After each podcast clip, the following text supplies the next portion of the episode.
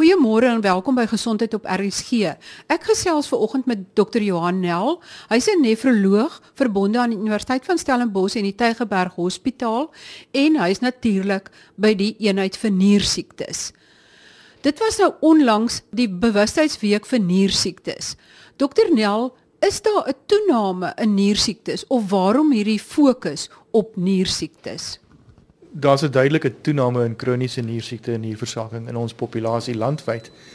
Uh die rede daarvoor is multifaktoriaal. Mense se lewenstyle verander. Uh, baie pasiënte sit met hoë bloeddruk en selfs suikersiekte wat vir lank ongediagnoseerd gaan. So ons is erg bekommerd. Die die insidensie is duidelik besig om baie vinniger toe te neem as die tempo waarteen ons dienste vir pasiënte met eindstadium nierversaking kan verskaf. As jy praat van eindstadium nierversaking, dan klink dit of iets al baie ver gevorder het. Maar wat is die simptome of hoekom word dit dan dikwels baie laat eers opgetel as mens dan e-, praat van eindstadium niersiekte? Dis die groot dilemma met niersiekte is die pasiënte is dikwels totaal asymptomaties. Hulle sou uh, besoek aan die huisdokter meemaak en gesê word dat hoë bloeddruk maar daar word nie noodwendig verder gekyk na die moontlikheid van proteinurie of of bloed in die urine nie en en dikwels word uh, die bloeddruk maar net behandel. Nou ons meet uh, jou nierfunksie in terme van glomerulêre filtrasiespoed. Dis 'n bloedtoets waarin ons kyk na die bloed se vlakke van kreatinien en hoe dit uitgeskei word en die meerderheid van pasiënte wat na ons toe verwys word word dikwels betreklik laat verwys met nierfunksie van minder as 20% oorblywend of selfs so min as 10% voordat hulle met simptome uh begin. Die gewone gesprek wat ek het met iemand is uh daar word vir my gesê maar dokter ek was dan nou nog piekfyn tot en met laas week. Ek was in staat om al my daaglikse aktiwiteite en my werk te doen. Mense vergeet dikwels hoe hulle stelselmatig en bietjie vir bietjie afskaal en nie noodwendig gaan hulle self erken dat hulle siek voel nie. So dis ons dilemma. Ons sou graag hierdie pasiënte vroeg wil identifiseer. As ons jou vroeg kan optel met 'n abnormale serum kreatinien of 'n graad van kroniese nier disfunksie dan is daar verskeie stappe wat ons kan implementeer om die verdere agteruitgang van jou nierfunksie eh, te verstadig. En ons kan ook kyk na na die daadwerklike onderliggende oorsake. Nou daar's 'n baie lang lys oorsake, die mees algemene soos wat ek nou gesê het, hoë bloeddruk, suikersiekte. In baie gevalle weet ons nie. Pasiënte kom by ons aan en uh, hulle sit met 'n kreatinien wat 10 of 15 keer so hoog is as wat dit veronderstel is om te wees. En as ons dan sonografies gaan kyk na niergroottes, dan sien ons dat uh pasiënte se niere klaar reeds klein en verskrompeld is en uh, die skade is onomkeerbaar teen daardie tyd. So watter persentasie van jou nierfunksie het jy oor teen die tyd dat daar regtig waar ernstige simptome is of wat mense regtig agterkom? Hulle lewenskwaliteit is nie meer soos wat dit moet wees nie. Dit kan tot 10% en selfs by 5% draai voordat mense begin met overte simptome. En die groot dilemma is dan is jy klaar by die punt waar jy niervervangingsbehandeling nodig het. Nou ons is gelukkig in terme van niere in teenstelling met jou hart en jou lewer dat daar dialyse beskikbaar is. So ons het toerusting, ons het masjiene waarop ons ons pasiënte kan plaas. Ehm uh, daar's twee aangaande vorms van dialyse wat kronies gebruik kan word wat vir 'n mens tyd koop. Die dilemma hiermee is tweevoudig. Eerstens, die behandeling is bitterlik duur. Vir enigiemand met eindstadium nierversaking is die genesende behandeling 'n nieroorplanting. Dialyse gaan vir jou tyd koop maar nie noodwendig 'n goeie kwaliteit van lewe nie. En selfs op dialyse is jou gemiddelde lewensverwagting daarna maar 3 tot 5 jaar. Die behandeling self kos tussen 150 en 200 000 rand per jaar per pasiënt. Nou dis 'n eislike bedrag. En die realiteit is dat uh, die staatssektor net 'n beperkte aantal plekke beskikbaar het vir pasiënte wat dialyse benodig. Ons word dus tot 'n mate geforseer om dialyse kriteria toe te pas om te besluit wie die beste kandidaate is wat uitgesoek kan word vir langtermynbehandeling. En baie pasiënte word ongelukkig huis toe gestuur uh met geen behandeling nie en dan word vir hulle gesê julle gaan in die volgende paar maande afsterf. Die private sektor is gelukkiger. Dialyse is 'n minimum behandelingsvereiste by al die mediese fondse. So as jy aan 'n mediese fonds behoort, gaan jy behandeling kan kry in die private sektor. Maar selfs daar is daar dilemmas. Daar is 'n beperkte hoeveelheid eenhede. Daar's 'n beperkte hoeveelheid dialyse plekke in daardie eenhede beskikbaar. Die behandeling is duur. Uh, die pasiënte kan dikwels terwyl hulle vir die jare wat hulle dialyse ontvang nie uh werk nie. Met ander woorde, iemand kan net op die dialyse program kom as jy weet dat hy 'n geskikte kandidaat is vir 'n oorplanting. Die dialyse program is eintlik net 'n oorbruggingsbehandelingsprogram vir diegene wat eintlik wag op 'n nieroorplanting. Maar watter mense sal byvoorbeeld in die kategorie val wat nie in aanmerking sal kom vir 'n nieroorplanting en dus vir dialyse behandeling nie? Binne die staatssektor eh, word ons gedwing om ons pasiënte fyn uit te soek. En uh, die die realiteit is as jy nie vir oorplanting kwalifiseer nie, gaan jy nie vir langtermyn dialyse kwalifiseer nie. Daar is 'n stel kriteria wat uh, reeds 10 jaar terug deur Tygerberg en Groote opgestel is in samewerking met die Wes-Kaapse Gesondheidsdiens. Um, ons gebruik dieselfde kriteria vir die besluite oor oor langtermyn dialyse en oorplantbaarheid. Die kategorie 3 pasiënte is pasiënte wat nie gaan kwalifiseer nie. Ehm um, en die rede daarvoor is baie eenvoudig, daar is 'n beperkte begroting, daar's 'n beperkte hoeveelheid sitplekke vir dialyse beide by Groote en Tygerberg. En as jy eers begin, is daar net twee uitkomste. Of jy sterf af op dialyse Die realiteit is dat die meeste pasiënte 'n lewensverwagting van tussen 3 en 5 jaar op dialyse het of jy word oorgeplant. Nou oorplanting het 'n dramatiese beter uitkomste. Die, die gemiddelde oorlewing van 'n oorgeplante nier en ek praat nou nie van die pasiënt nie, ek praat van die nier is tussen 14 en 16 jaar. Ek het 'n paar pasiënte by ons wat reeds langer as 30 jaar met 'n oorgeplante nier rondloop. Maar weer eens, niere is skaars. So ons moet streng kyk na waar ons die beste uitkomste kan hê.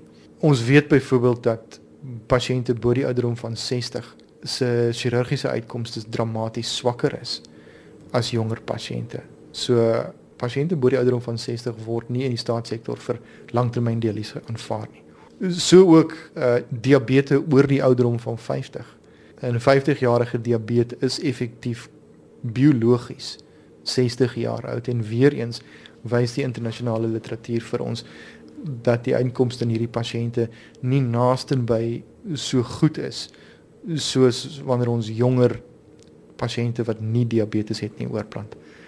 Vetsug is 'n groot dilemma as jou uh, ehm, BMI oor 35 is is daar 'n dramatiese verhoging in die risiko vir chirurgiese komplikasies wat beteken dat ons ongelukkig ook nie vir jou sal kan oorplant nie. En dan natuurlik pasiënte met ander siektes of ander orgaanversaking wat hulle wat hulle lewensverwagting dramaties inkort. 'n Pasiënt met aktiewe kanker kan jy effektief nie oorplant nie. Die immunosuppressiemiddels wat gebruik word in die beskerming van die nier gaan die groei en die aggressiwiteit van die kanker dramaties bespoedig. Uh, pasiënte met kroniese lewersiekte met hartversaking weer eens weet ons dat die uitkoms van oorplantings dramaties swakker is met hulle. Ons sit tussen 'n rots en 'n harde plek. Ons wil graag almal help, maar die ekonomiese realiteite beteken daar is net soveel geld beskikbaar vir 'n dialyse en oorplantingsprogram binne die staat. En uh, as ons meer geld kry, beteken dit elders moet daar vir iemand gesê word, "Wel, jy gaan nog 6 maande wag vir 'n heupvervanging." Of nee, jy kan nie hartklepvervanging kry nie. Of dan moet vir 'n ma gesê word, "Ons ons neonatale intensiewe sorg is vol. Jou pasgebore baba met met longontsteking uh kan nie nou uh, op 'n ventilator gaan nie want daar is nie 'n ventilator nie. En on, ons word ongelukkig gedwing om met die ekonomiese realiteit van hierdie siekte mee saam te leef. En juis hoe daarom om dink ek is dit belangrik dat mense bewus word van toestande wat gepaard gaan met niersiektes en waarvoor daar op die uitkyk moet wees. En dis nie noodwendig duur of dramaties ingewikkelde toetse of ondersoeke nie. Dis net dat daar 'n bewuswees moet moet plaasvind onder die algemene populasie en dat mense moet leer dat hulle na hulle eie gesondheid moet kyk. Ek is bly jy het nou weer teruggekom na eintlik op 'n manier voorkoming. So wat kan jy doen om jou niere so gesond as moontlik te hou? Ek gaan spesifiek praat oor mense wat wat ons weet reeds 'n mate van kroniese skade het. Die realiteit is sodra jy die ouderdom van 40 verbysteek, gaan meeste van jou organe stadig aan problematies begin rol. Ons weet daar's 'n verhoogde insidensie van hartsiekte. Ons weet daar's 'n verhoogde insidensie van uh, vermindering van longfunksie kapasiteit en dit hou met die niere. So daar is 'n normale en verwagte agteruitgang wat plaasvind by pasiënte soos wat hulle ouer word. Dis binne die normale. Uh, en dis nie mense waar ons gewoonlik bekommer nie. Uh, as jy die ouderdom van 80 bereik en jy het nog meer as 10% van jou nierfunksie nodig en jy sterf dan af, dan het jy 'n goeie en effektiewe lewe gehad. Maar ons weet dat 'n 80-jarige dikwels maar met 40% van 'n normale jong volwassene se nierfunksie sit byvoorbeeld. Die beginpunt sou wees vir mense met hoë bloeddruk om seker te maak dat hulle wanneer hulle huisdokter besoek elke paar jaar dan allerminstens 'n urine doopstokkie gedoen word. In die teenwoordigheid van bloed of proteïene in die urine weet ons dan moet verdere ondersoek gedoen word en dan minstens eenmalig 'n een bloedtoets vir vir die vasstelling van akkurate nierfunksie gedoen word. As jy weet jy het 'n mate van kroniese nierfunksie inkorting of jy weet jy het ander siektes wat vir jou 'n hoë risiko kandidaat maak. Is daar dinge wat jy kan doen? Nommer 1 is jou bloeddruk moet beheer word. En daar's duidelike teikens wat deur etlike verenigings binne die mediese professie in Suid-Afrika uh, bevorder word en dis relatief maklik. Dis huisdokterwerk, dis nie spesialiswerk. Gemiddelde volwassene se bloeddruk moet onder 140 op 90 wees. In die afwesigheid van enige ander risikofaktore vir diabetes promoveer ons dikwels 'n bloeddruk sistool 130, diastool 80. Pasiënte met diabetes word aangemoedig om 'n om 'n iets wat laer bloeddruk te handhaaf. En soos jy ouer word, ongelukkig word daar die risiko geloop dat jy met 'n te lae bloeddruk, as jy vinnig oorent kom uit 'n stoel of uit die bed uit, uh posturale val in bloeddruk kan hê en 'n tydelike bewussynsverlies.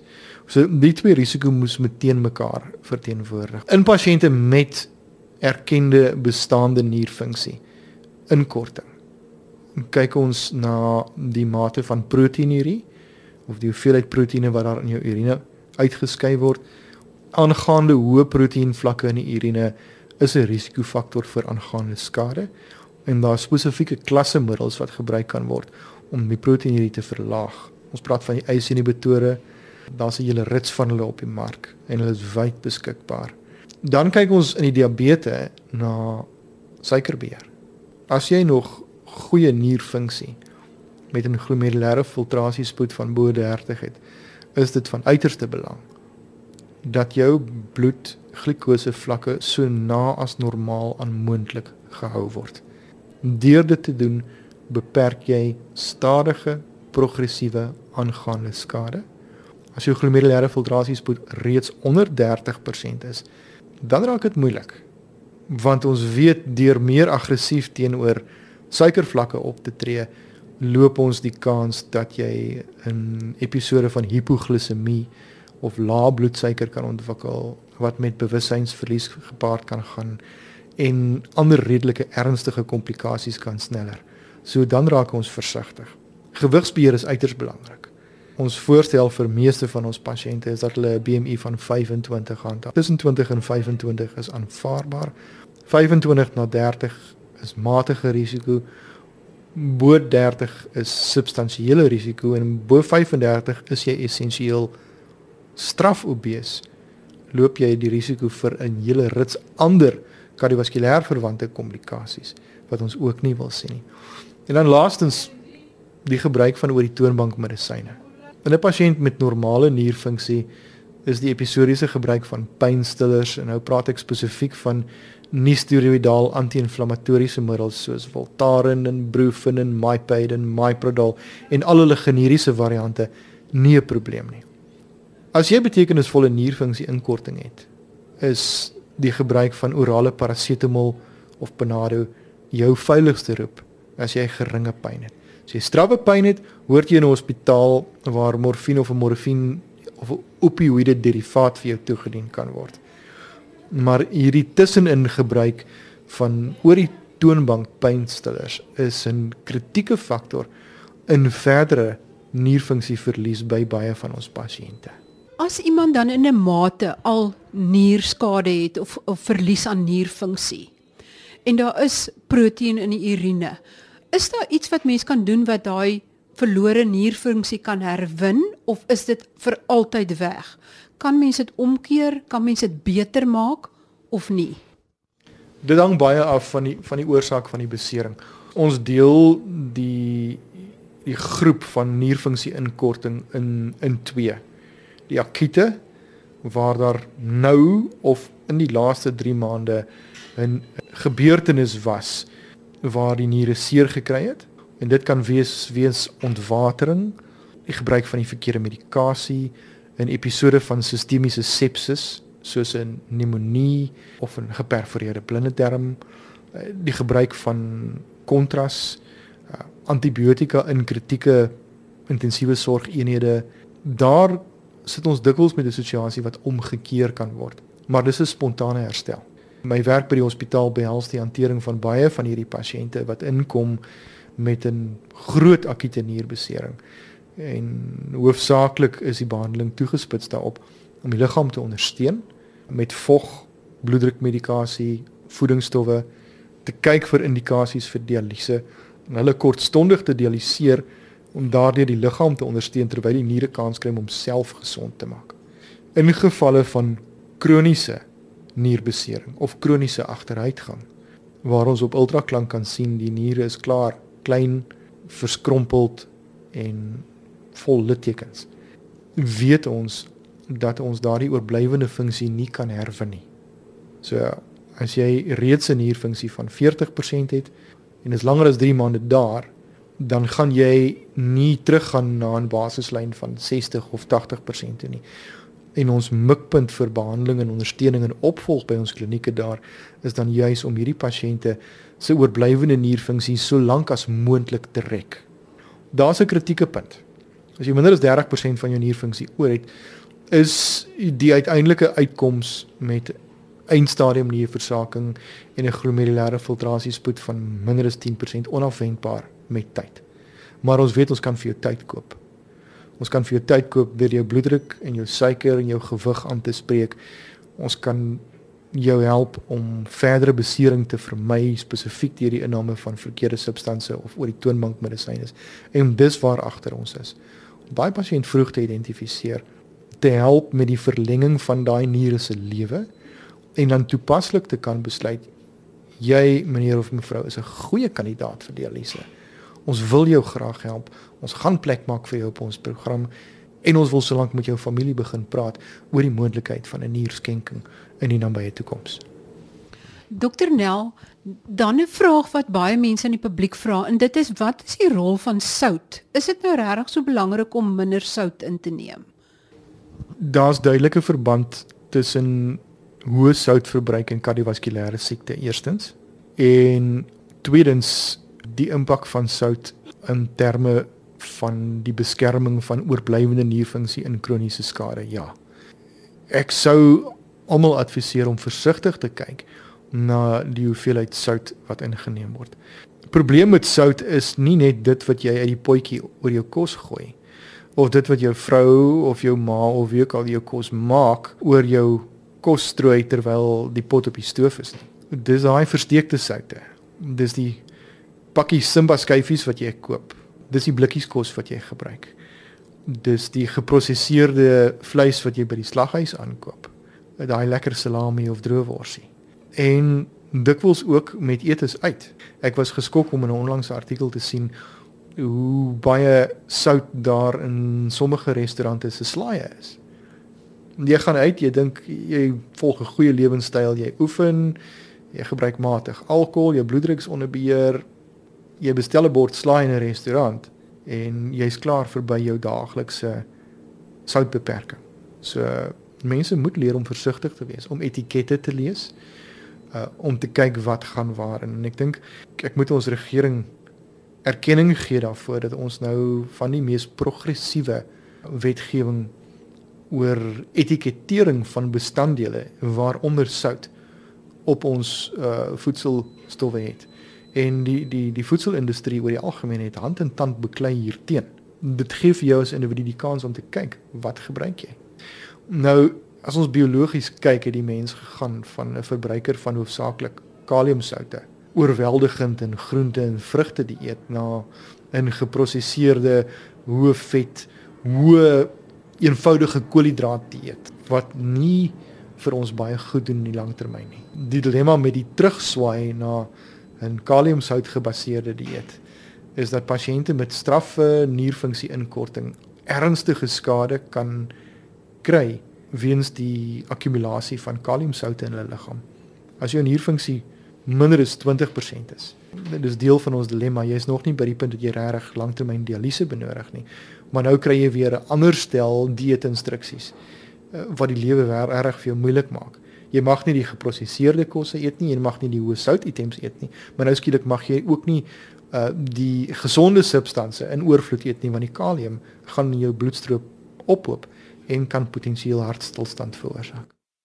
So dit is nie net die natriumsoute nie, dis die kaliumsoute ook. Maar kan jy miskien net so bietjie na die fisiologie van die nier kyk en verduidelik die natrium en die kalium, hoekom dit 'n probleem raak as jy te veel daarvan inneem? Wat betref die kaliumsoute, word dit eers 'n probleem as jy betekenisvolle nierskade het. Nou as jy by die punt wat jou nier nie van jou kaliumlading kan ontslaa raak nie. Dis die groot dilemma die probleem met oormatige soutinname is heelwat vroeër in die proses. Dis mense met minimale nierfunksie inkorting of selfs mense met normale nierfunksie wat nou ander siektes soos hoë bloeddruk en suikersiekte ontwikkel. En daar speel die rol van 'n hoë natriumsoutlading 'n baie beslisste potensiering van skade in die vorm van fibrose binne die glomeruli en die tubuli van van die nier self. Dokter Nel, as jy 'n laaste boodskap het aan die luisteraars, uh wat sou jy in 'n neutedop vir hulle sê is die hoofboodskap? Kyk na jou niere want niemand anders gaan nie en wees bewus daarvan dat jy nie noodwendig enige simptome gaan hê voor die stadium dat jou niere finaal gedaan is nie. Pasiënte in hoë risikogroepe soos diabetes en die met hoë bloeddruk behoort hulle huisartse te vra om urine doopstokkies te doen met hulle jaarlikse ondersoek. En ten minste eenmalig behoort daar na hierdie pasiënte se serum kreatinien te kyk om mense wat potensieel reeds skade het vroeg te kan identifiseer en dan toepaslik te verwys na 'n nierspesialis om verdere vinnige agteruitgang te voorkom. So vinnig kom ons al weer aan die einde van hierdie program. Ek wonder maar net, weet jy verseker vir 100% seker dat daar geen bloed of proteïene in jou urine is nie? Met ander woorde dat jou niere wel gesond is. Indien nie, is dit miskien tyd dat jy na jou dokter, apteker of kliniek gaan en die doopstokkie urine toets laat doen. Tot volgende week dan wanneer ons gesels oor kanker in kinders en die behandeling wat in Suid-Afrika beskikbaar is. Totsiens.